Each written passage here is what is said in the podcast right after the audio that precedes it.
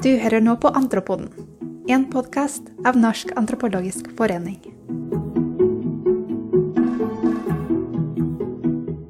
Velkommen til Antropoden, og velkommen igjen til deg, Unni Wikan. Tusen takk. Det er veldig hyggelig å eh, være sammen med deg igjen. I like måte. Takk, takk. Og i dag så skal vi ha en eh, Fortsette litt på samtalen vår fra forrige episode vi hadde med deg.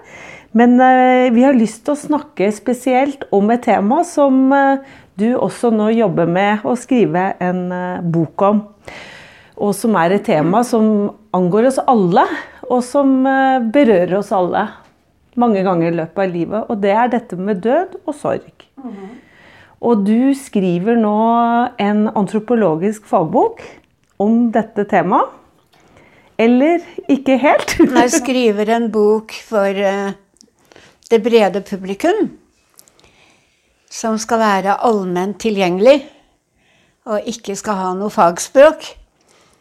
Og jeg trekker jo selvfølgelig på min antropologiske erfaring og ekspertise. Det gjør jeg. Og så trekker jeg på personlige erfaringer.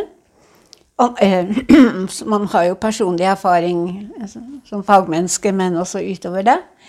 Så eh, det er en eh, Det er en bok som spesielt har fokus på sorg i et flerkulturelt perspektiv.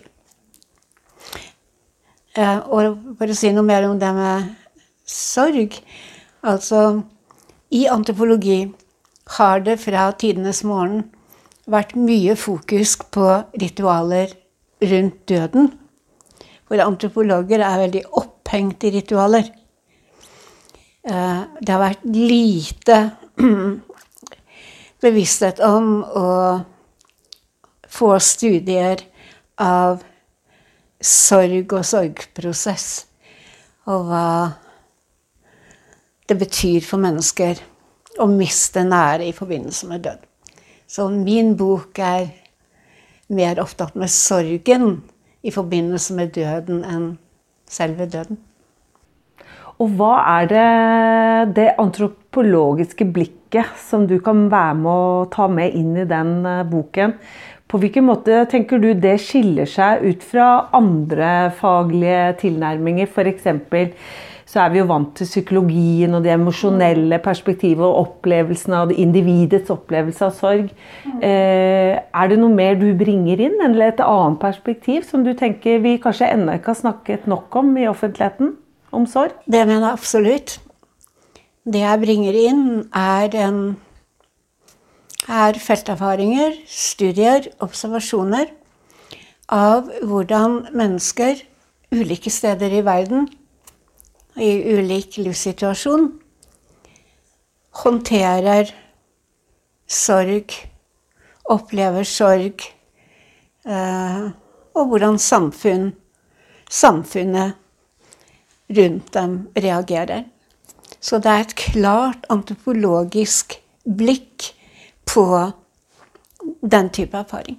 For noe av det du har eh, funnet av tidligere ting eh, hvert fall jeg har lest, det er jo nettopp det at det er ikke en universell opplevelse av sorg. Og at sorg eh, også må ses i forhold til ulike kontekster. Ja. Jeg tror ikke vi vet, eller kan vite, egentlig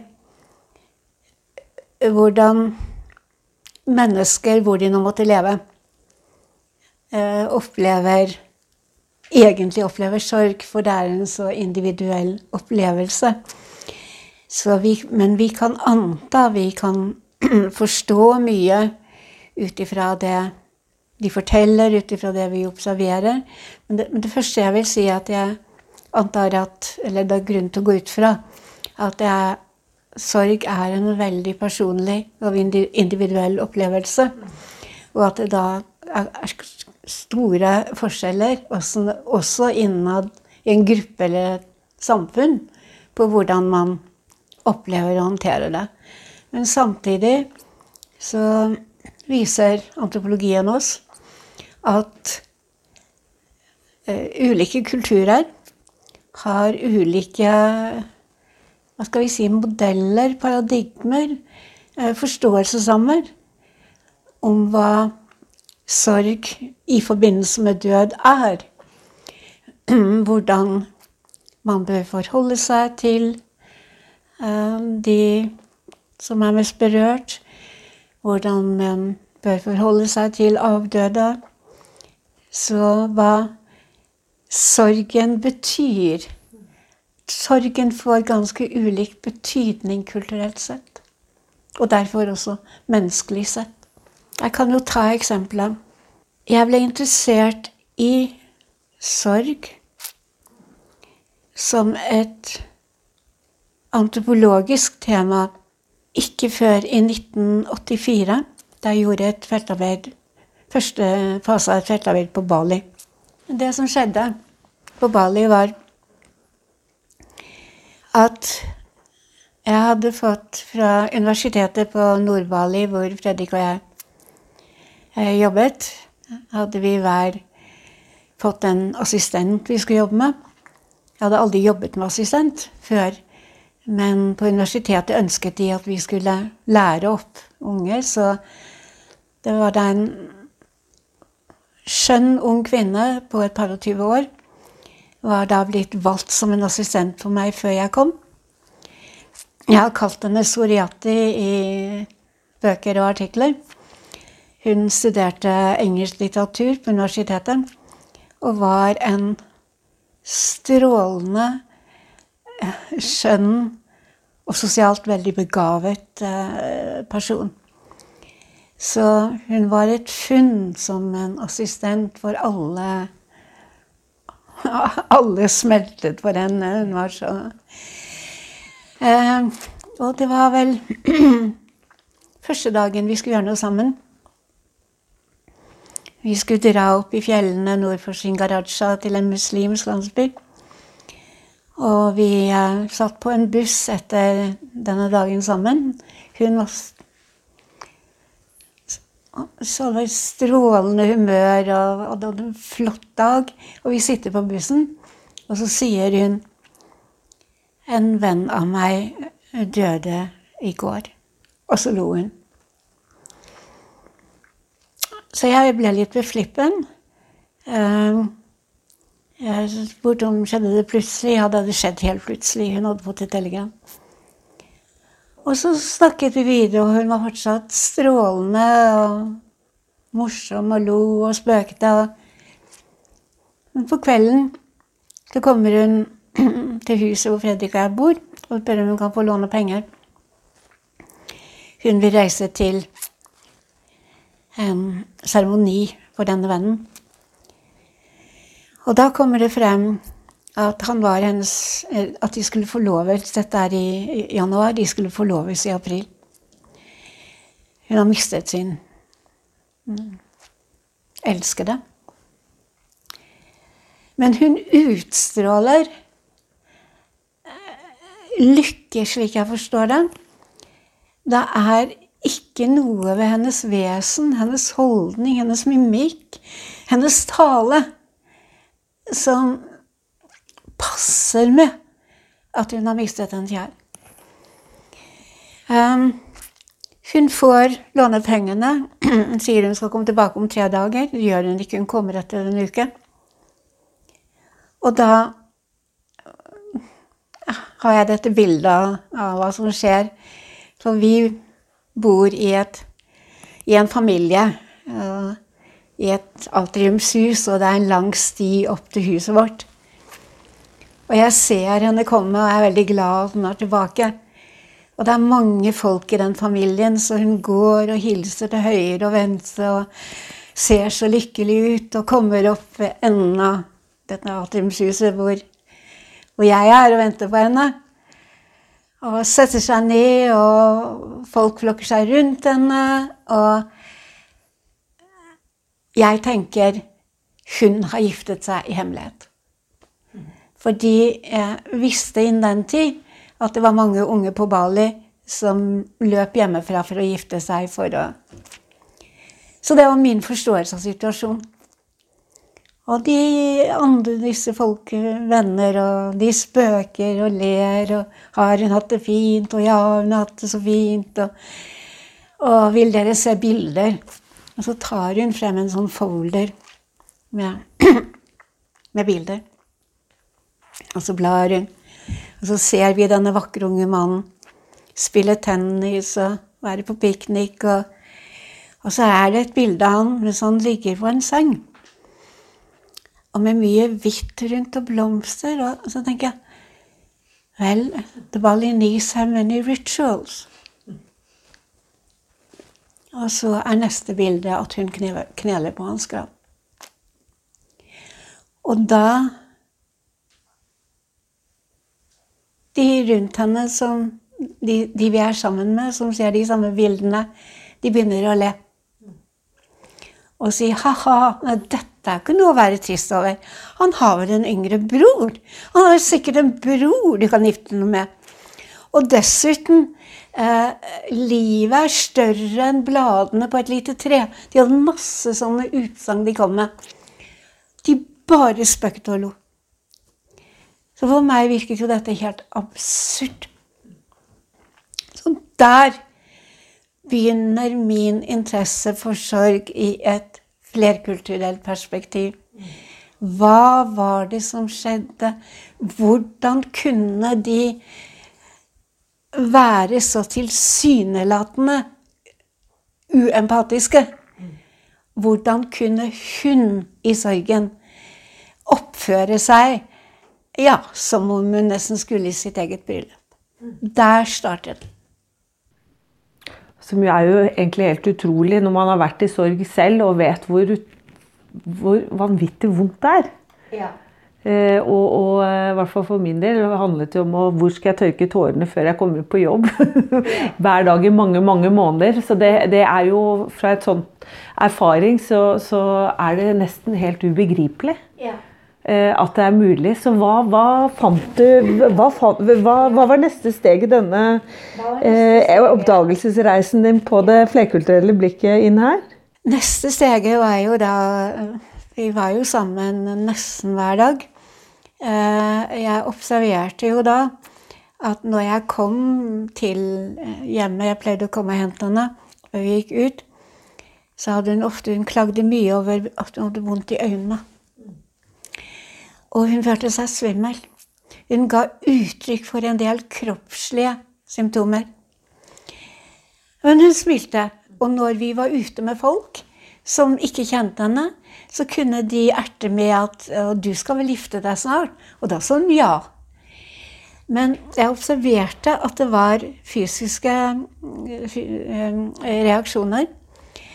Eh, men Og jeg observerte at når hun gikk eh, ut av døren hjemme, så var det som om hun tok på seg en rolle.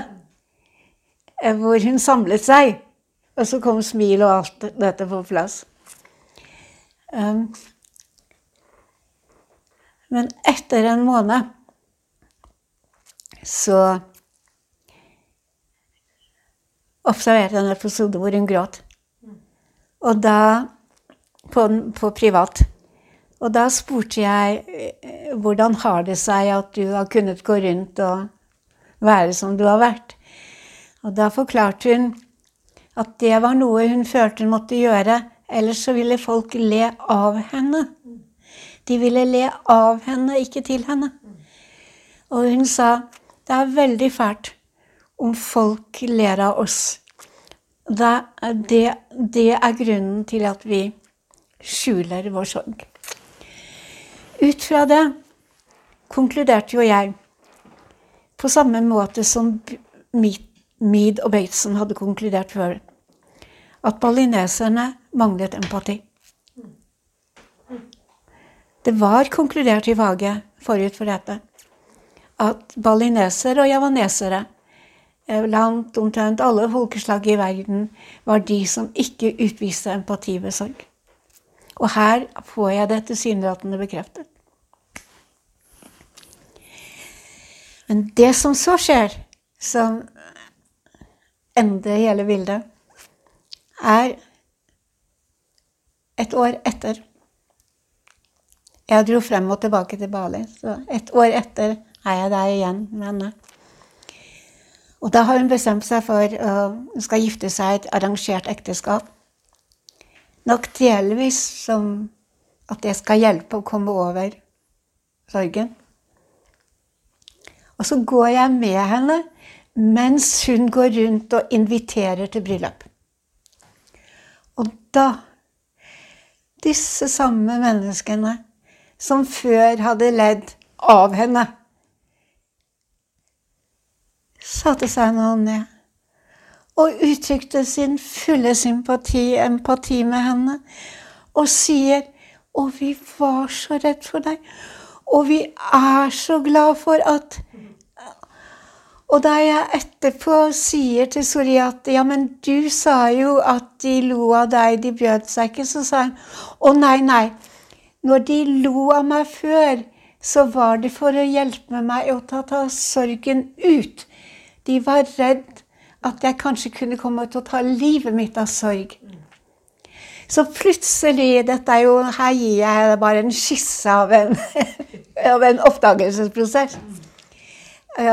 Men den uh, Svaret på gåten her er at balineserne ler. Ikke fordi det står så lite på spill, men fordi det står så mye på spill. De ler fordi de vet at det å miste en kjær er så sterkt. Noen tar livet av seg selv i sorg. Andre sitter helt virkeløse i månedsvis. Og de har ikke et velferdssystem som kan plukke dem opp. Så det de gjør, er å prøve å beskytte både den sørgende og samfunnet. Men da Soriati var utenfor fare ved at hun nå var glad hun skulle gifte seg, da kunne de gi uttrykk for den empatien som de hele tiden hadde følt, men altså hadde holdt. Og det var eh, ja, et av de mest rørende øyeblikk i mitt antropologiske liv, når, en, eh, når jeg liksom fikk den innsikten, og hun bekreftet og sa 'Å, nei, nei'. Når de lo før, det var ikke fordi de lo av meg, hvilket hun hadde sagt før. Ja. Så, så, når hun selv er kommet i en mye tryggere livssituasjon, så klarer hun òg å se at det var jo ikke det at de ikke brød seg. Det var jo Det var jo en mening med den latteren. Så eh, hvis vi nå transporterer oss til Norge Jeg har jo i gjennom mange år jobbet mye på innvandring og integrering i Norge. Og jeg har jo da ofte blitt bedt om å gi råd eh, i, om mangt og mye. Eh, også helseproblematikk, eh, sorg, død. Og en av tingene jeg da har kunnet eh, formidle, er at det fins kulturer i verden hvor Nei, man går ikke dypt inn i sorgen og borer seg ned. Eh, tvert imot. Eh, man gjør det motsatte. Og under en slik, et slik atferdsmønster som det jeg beskriver der fra Bali, så ligger det en helhetlig livsanskuelse som går ut på at følelse og tanke Unnskyld er to sider av samme sak. Hvis du tenker de gode tankene, så vil det hjelpe deg til å få og føle det bedre. Så mens eh, eh, mange eksperter på sorg i et samfunn som vårt vil anbefale en person i sorg å gå dypere inn i sorgen. Du må, du må kunne konfrontere den. Du må kunne snakke om den. så er mønsteret i et samfunn som Bali og mange asiatiske kulturer det stikk motsatte. Du skal ikke gå inn i det. Du skal ikke grave deg ned. Dermed forsterker du eh, Du skal, som de sier på engelsk, og de snakker jo I dag snakker jo så mange engelsk Let bygones be bygones. Um, ja, det er et aspekt til ved den balinesiske livsanskuelsen som er Og det er at det er deres syn på sjelen. Sjelen må få fred til å gå til Gud. Hvis du, hvis du ifølge dem setter deg ned og gråter, og, så blir sjelen fortvilt. For sjelen er jo fortsatt knyttet til deg. Og de bruker bildet Det er som en mor som vil gå til markedet. Hun må til markedet og handle. Og så har hun et lite barn, og barnet klynger seg til moren og sier 'Ikke gå, mamma! Ikke gå, mamma!' Ikke sånn? Og da blir hun urolig og kommer seg ikke av gårde. Sånn er det med sjelen. At den Du må slippe den og gi den fred. Og få dra dit den skal. Derfor kan vi gråte. Men ikke for mye, som de sier. Så Så der begynte Der begynte min antropologiske interesse for sorg i forbindelse med død. Og det jeg fant, var at det var gjort veldig lite på feltet i faget. Um, og jeg har levd i kulturer hvor man håndterer sorg på totalt andre måter.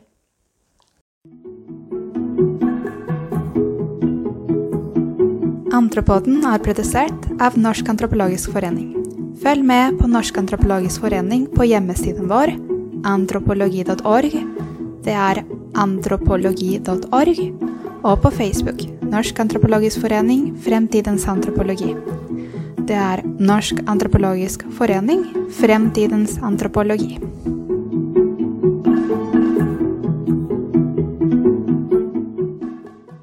Og det jeg også hører du sier, og som jeg tenker i hvert fall også er mine egne erfaringer, er jo at eh, sorgen setter jo også fellesskapet på en uendelig stor prøve. Ja, det gjør det det er jo fellesskapet på sitt vanskeligste og sterkeste. Og, og hvor moralitet eh, og forventninger mellom oss eh, blir så tydelig og synlig. Ja. Og da tenker jeg jo, og det, vi, det, du forteller om Bali, er jo en veldig tydelig måte å, å prøve å håndtere det på. Og så tenker vi her hjemme hvor hvert jeg opplever at uh, vi ikke har den type samtalen så veldig ja. høyt framme. Ja. Der snakker vi om sorg som det individuelle, all det vonde ved en selv, ja. som jo også er sant. Men hva tenker du Går vi glipp av noe? Vi kanskje ikke har en bred nok samtale om hvem er vi som fellesskap håndterer så, altså, I år er det ti år siden 22. Eh, juli. Vi vet at eh, etterkommerne og overlevende eh, de sliter. Eh, regjeringen har ikke klart altså, Det er så mange punkter man kan eh, Har vi noe ja, hvordan, hvordan, hvordan kan, vi, kan vi lære noe av andre? Ja, det kan vi. Og det du sier der, er veldig viktig. Hva forteller det om fellesskapet? Hva, hva kan vi lære av andre? Um, i, i, I vårt samfunn, slik jeg kjenner det, er vi veldig lite flinke til å snakke om å forholde oss til døden. Vi, vi blir redd. Um, mange, både du og jeg, har opplevd f.eks. å miste våre ektemenn. Og noen vil kunne liksom ta kontakt med oss, men veldig mange av de vi kanskje ventet ville ta kontakt, de trekker seg unna. Og det er jo ikke fordi de ikke bryr seg, Men de vet ikke hva gjør man. Og vi har ikke språk for det. Og helst så, så vil vi ha døden der. Jeg har, jeg har hatt litt opplevelse av at At jeg nesten ble litt stigmatisert. Jeg mistet min mann for eh, fem og et halvt år siden. Og det har vært perioder i tiden etter at jeg har opplevd at det nesten hang et stigma over meg. At uh, uh, noen folk ville unngå meg fordi at bare det å være sammen med meg er å påminnes om hvor skjørt Ikke sant? Det er en det er en påminnelse om noe forferdelig farlig. Jeg står der som en påminnelse om det forferdeligste som kan skje.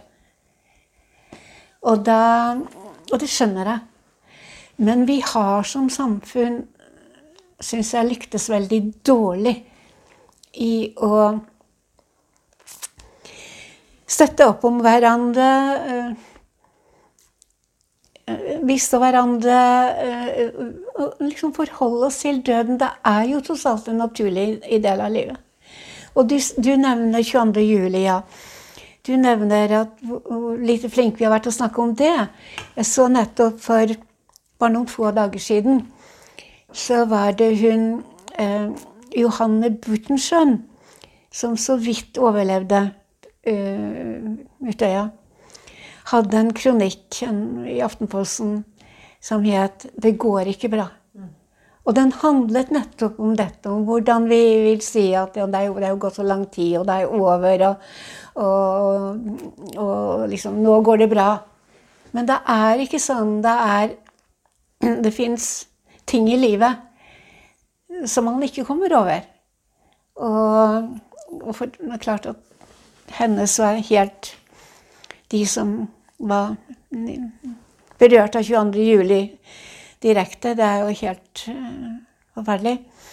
Men fellesskapet ja, Både i Midtøsten, både i mitt feltarbeid i Midtøsten, i Egypt og Oman, og i, i Bali, og oppe i Bhutan, eh, som er buddhistisk, har jeg jo sett hvordan nærsamfunnet støtter opp eh, om eh, de pårørende ved død.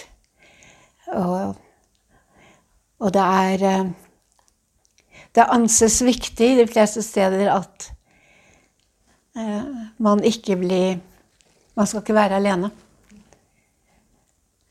Eh, det Hvis jeg skal trekke en gjøre én generalisering blant flere av hvordan uh, disse sakene håndteres i ulike kulturer, så vil jeg si at et gjennomgående tema er dette med at man De etterlatte må ha noen hos seg i en, en litt lengre periode. Det er jo en erkjennelse av hvor, hvor hvor skjørt hvor skjøre det er. Og det er kanskje dette aspektet som jo også er litt fraværende i så mange deler av vårt samfunn i dag. Da, med dette individualistiske eh, preget på alt vi gjør. Hvor vi glemmer det, eller tenker at det relasjonelle kanskje ikke er så sentralt som det kanskje faktisk er. Når det kommer til ting som liv og død. Det, det tror jeg det absolutt er veldig viktig, det du sier. Vi er så fokusert på individet. Og tror, tror nok at individet er sterkere enn de fleste, fleste, av oss er. Så det, det Så at vi skygger døden, det gjør vi. Men én ting eh, Du startet jo med å snakke om ritualer, og at antropologer har jo vært opptatt av døden som et overgangsrituale. Det er jo sånn vi er skrudd sammen som antropologer. Men jeg tenker også begravelsen er jo også en veldig viktig Er jo et sted hvor fellesskapet har eh, et møteplass og, og formidler og kommuniserer eh, noe. Ja. Også hos oss, da. Ja. Og så tenkte jeg bare mm, jeg, Men jeg vet ikke i hvor stor grad eh, det faktisk skjer, eller om det bare blir seremonielt, eller, eller eh, men, men, det jeg hadde lyst til å trekke fram først nå, var en uh, tekst jeg leste du skrev når Fadime ble drept i Sverige av sin familie. Og under begravelsen, hvordan faktisk begravelsen fremsto nesten som en disrupsjon av så mange ting av det moralske universet. Kan du fortelle litt om det? Ja. Eh, Fadime Shahindal var svensk-kurdisk og ble drept av sin far eh, i 2002, januar. Eh, I et sånt æresdrap. Hun hadde krenket familiens ære og, og, og ble tatt av dage det var nok ikke bare faren som gjorde det. Altså, det faren gjorde det, men det sto en familie bak. Eh, og da Hun fikk en tilnærmet en statsbegravelse i Sverige. Fordi Sverige innså at de hadde ikke tatt hennes advarsler på alvor om hvordan det antakelig kom til å gå. Hun hadde, hadde vært en offentlig figur og hadde advart. Men da Hun ble begravet Familien var uh, muslimer. Ikke, ikke, sånn troende, men de var muslimer. Men hun ble begravet fra en domkirke i Uppsala, og det hadde hun villet. Hun hadde sagt på forhånd at hvis det skulle skje, så ønsket hun det. Og så er det jo slik at blant muslimer så er det alltid menn som bærer eh, våren. Og i dette tilfellet så skulle da seks menn bære. Og rett før seremonien skal starte Og dette var en seremoni hvor kronprinsesse Victoria og erkebiskopen og ja, alle de store er. Det er en Rett før seremonien skal starte, så tar en gruppe kvinner kontakt med hun biskopen og sier Vi skal være Fadime, mennene har sveket henne. Vi skal bære henne. Og da sa biskopen uh, Hun ble jo helt forfjamset. Og, uh, da sa hun da må dere snakke med mennene. Og så gjør de det. Og det er klart, dette er like før seremonien. Men mennene sier da De trekker seg og sier da OK. Og så bæres Fadime ut. Ja, så rørende. Ja, 4. februar i 2002. Av fire av seks unge nydelig mørke håret Seks unge kurdiske kvinner av eh, domkirken i Uppsala. Og der ble det nok skapt en tradisjon. Fordi jeg så senere at ved et æresdrap i Tyrkia, så var det også kvinner som bare grep inn og bar kyssen. Så jeg vil tro at i tiden etter Fadime har dette skjedd flere steder. Men det var, det var Nettopp ut fra en moralsk anskuelse. Kvinnene sier 'Dere har sveket henne, mennene'. For de kunne ha beskyttet henne, og de gjorde ikke det. Så, eh, så begravelse, ja. Begravelse kan jo brukes for så mangt. Du kan sende ulike typer vitensbyrd om verdier, ikke minst. Um, så det var uh, Også i den uh, Jeg møtte jo senere Fadimes to yngre søster som var der da hun ble skutt. De var, sto rett ved henne da hun ble skutt. Så jeg møtte jo dem senere. Og, og det var jo veldig sterkt. å tenke på hva de skulle leve videre med. For de skal skulle jo forholde seg til en far som da først kommer i fengsel i mange år, men så kommer ut. Og han er deres far. Og Og ja, så det var Det er mange tanker man kan gjøre seg om, om hva Også om tilgivelse. Mm. Ja. Ja. Så for øvrig i min nærmeste omanske familie Jeg har jo familie flere steder i verden. Der mistet min aller nærmeste venninne sin mann for et par år siden. Og i det tilfellet Da kan hun ikke gå ut av huset på 40 dager. Da er hun hjemme i 40 dager og aldri alene. Da er eh, Det gjelder ikke i alle muslimske samfunn, men det gjelder i flere. At uh, en enke anses å være så skjør at, og ha så behov for omsorg at det må være noen hos henne i, i 40 dager. Men hvis en kvinne dør, så må ikke mannen Nei. Nei. Han sitter ikke inne i 40 dager. Derav enkemannsstøt, har jeg tenkt. ja, ja, ja, ikke sant?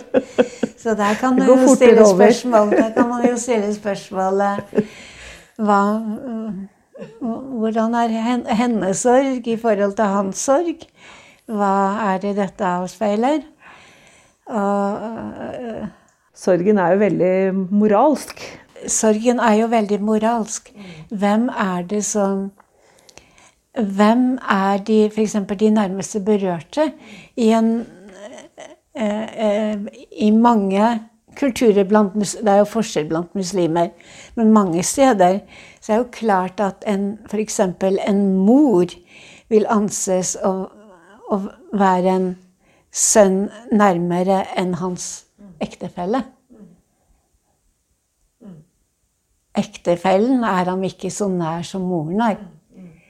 Eh, når vi lager dødsannonser, så har vi jo alltid ektefellen på topp. Og det er jo helt forfeilet ut ifra den, den Jeg har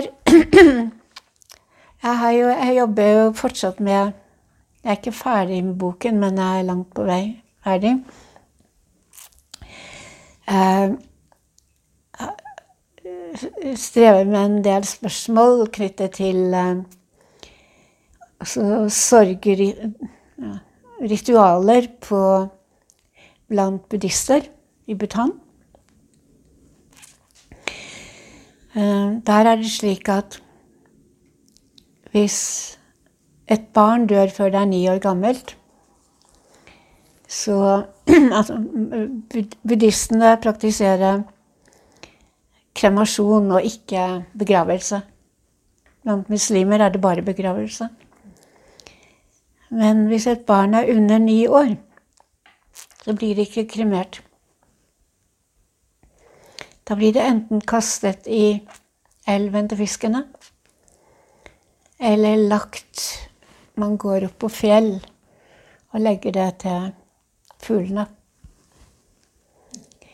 For det er å bygge god karma. hva man gjør Jeg tror både sorgen og ritualene i forbindelse med død henger jo også sammen med hvilket syn har man på hva som skal skje med sjelen etter døden. Og hvis du tror på reinkarnasjon, som jo både hinduer og buddhister gjør, så vil du være opptatt av hva kan man gjøre for at sjelen skal få en så god gjenfødelse som mulig.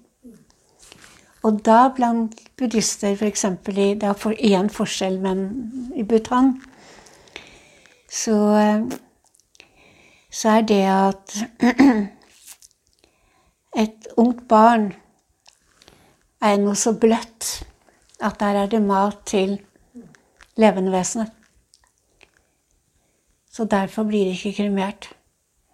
Men eh, Fredrik og jeg traff en familie i Bhutan som hadde mistet et barn som de skulle, skulle opp på fjellet.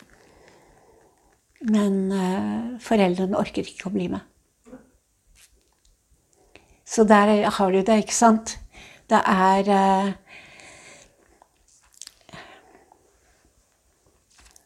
Ja, det er er, en, det er en menneskelig dimensjon ja. der som er uh, Ja.